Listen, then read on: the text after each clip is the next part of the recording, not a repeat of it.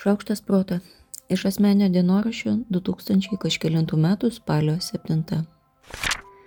Šiandien vartau, klostau ir apžiūrinėjau mintį apie susitaikymą. Mano viduje daug darytojų ir kovotojų, todėl man ši savoka sunki. Man reikia pagalbos iš loginių argumentų, man reikia rasti emocinį pagrindą, ant kurio galiu atsistoti. Tos kitos kojos, kurie reikalinga, kai ta koja nebeturi žemės po savimi. Yra dalykai, kuriuos aš galiu daryti, paveikti ar kontroliuoti. Ir yra tie, kurių negaliu. Jau vien po šio sakinio man viduj pasišiaušia ketera. Gal iš pykčio, bet po jo iš baimės. Nes kažkas, ko negaliu kontroliuoti, yra visokių tamsių grėsmių lizdas, sako mano paranoja. Ypač jeigu nežinau, kas ten yra. Todėl pirmų reikalų bandau žinoti. Kai pašvieti, tai sužinai, kad tau juoda grėsmė kartais būna tik juodas katinėlis, pats labiau už mane išsigandęs. Kartais tai būna kažkas, kas manęs nei pažįsta, nei mato. Vadinasi, negrėsmė, nors man ir nepatinka. Ir kartais, labai retai kartais ten būna kažkas, kas man ruošiasi įkasti. Tada man vėl reikia žinoti, kaip kanda, kuo kanda, ar yra neperkandamo apsaugų ir kuo gydyti įkandimus. Atsilenka lengva melancholija, reikalas žinoti, gimęs kaip ginklas prieš baubus, dabar yra mano įdomaus gyvenimo įrankis ir mano geriausias draugas. Ar tai jau yra susitaikymas, kai žinau, kad neįkas, arba kai žinau, ką daryti, jeigu įkastų? Hmm, dar ne visai. Žinojimas, dviveidis cinikas, man paslaugiai pasiūlo visokių scenarijų, kurie prasideda visokiais o jeigu.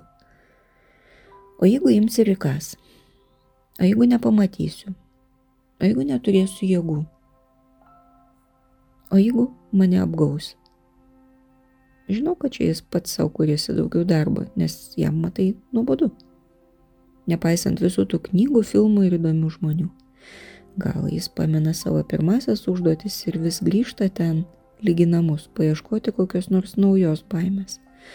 Bet aš tiek nespėju, aš neturiu tiek jėgų pakelti visas tas žinias ir scenarijus.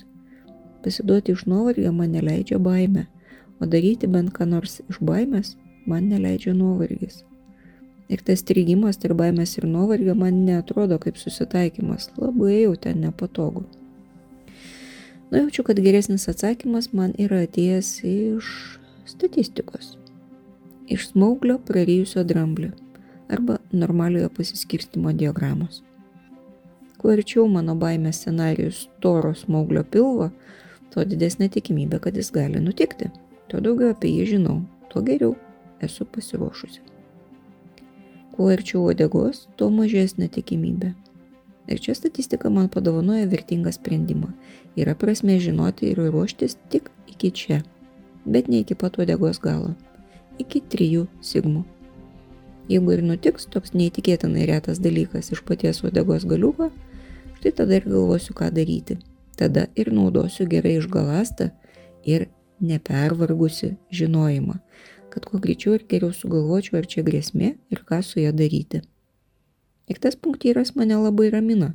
Net galiu įsivaizduoti, kaip sėdžiu atsirėmusi į tą liniją, netgi nugarą į visas nenagrinėjimas grėsmės ir man ramu.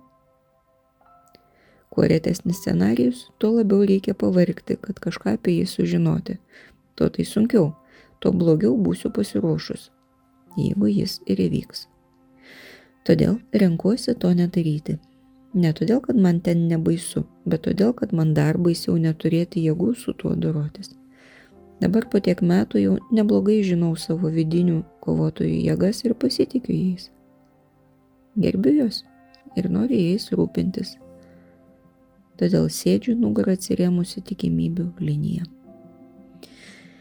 Dievaži, statistika yra stebuklingai geras dalykas. Aš Monika Kuzminskaitė, sveikatos ir mytybos psichologė, padedu spręsti kasdienius ir sudėtingus elgesio, mąstymo ir emocijų klausimus. Rašau, skaitau paskaitas, teikiu psichologinės konsultacijas. Mane rasit socialiniuose tinkluose vardu Šaukštas Proto arba gyvai Vilniuje Goštauto gatvėje. Rašykit man asmenę žinutę socialiniuose tinkluose arba elektroniniu paštu adresu šaukštas.proto atgmail.com. Taikos ir ramybės.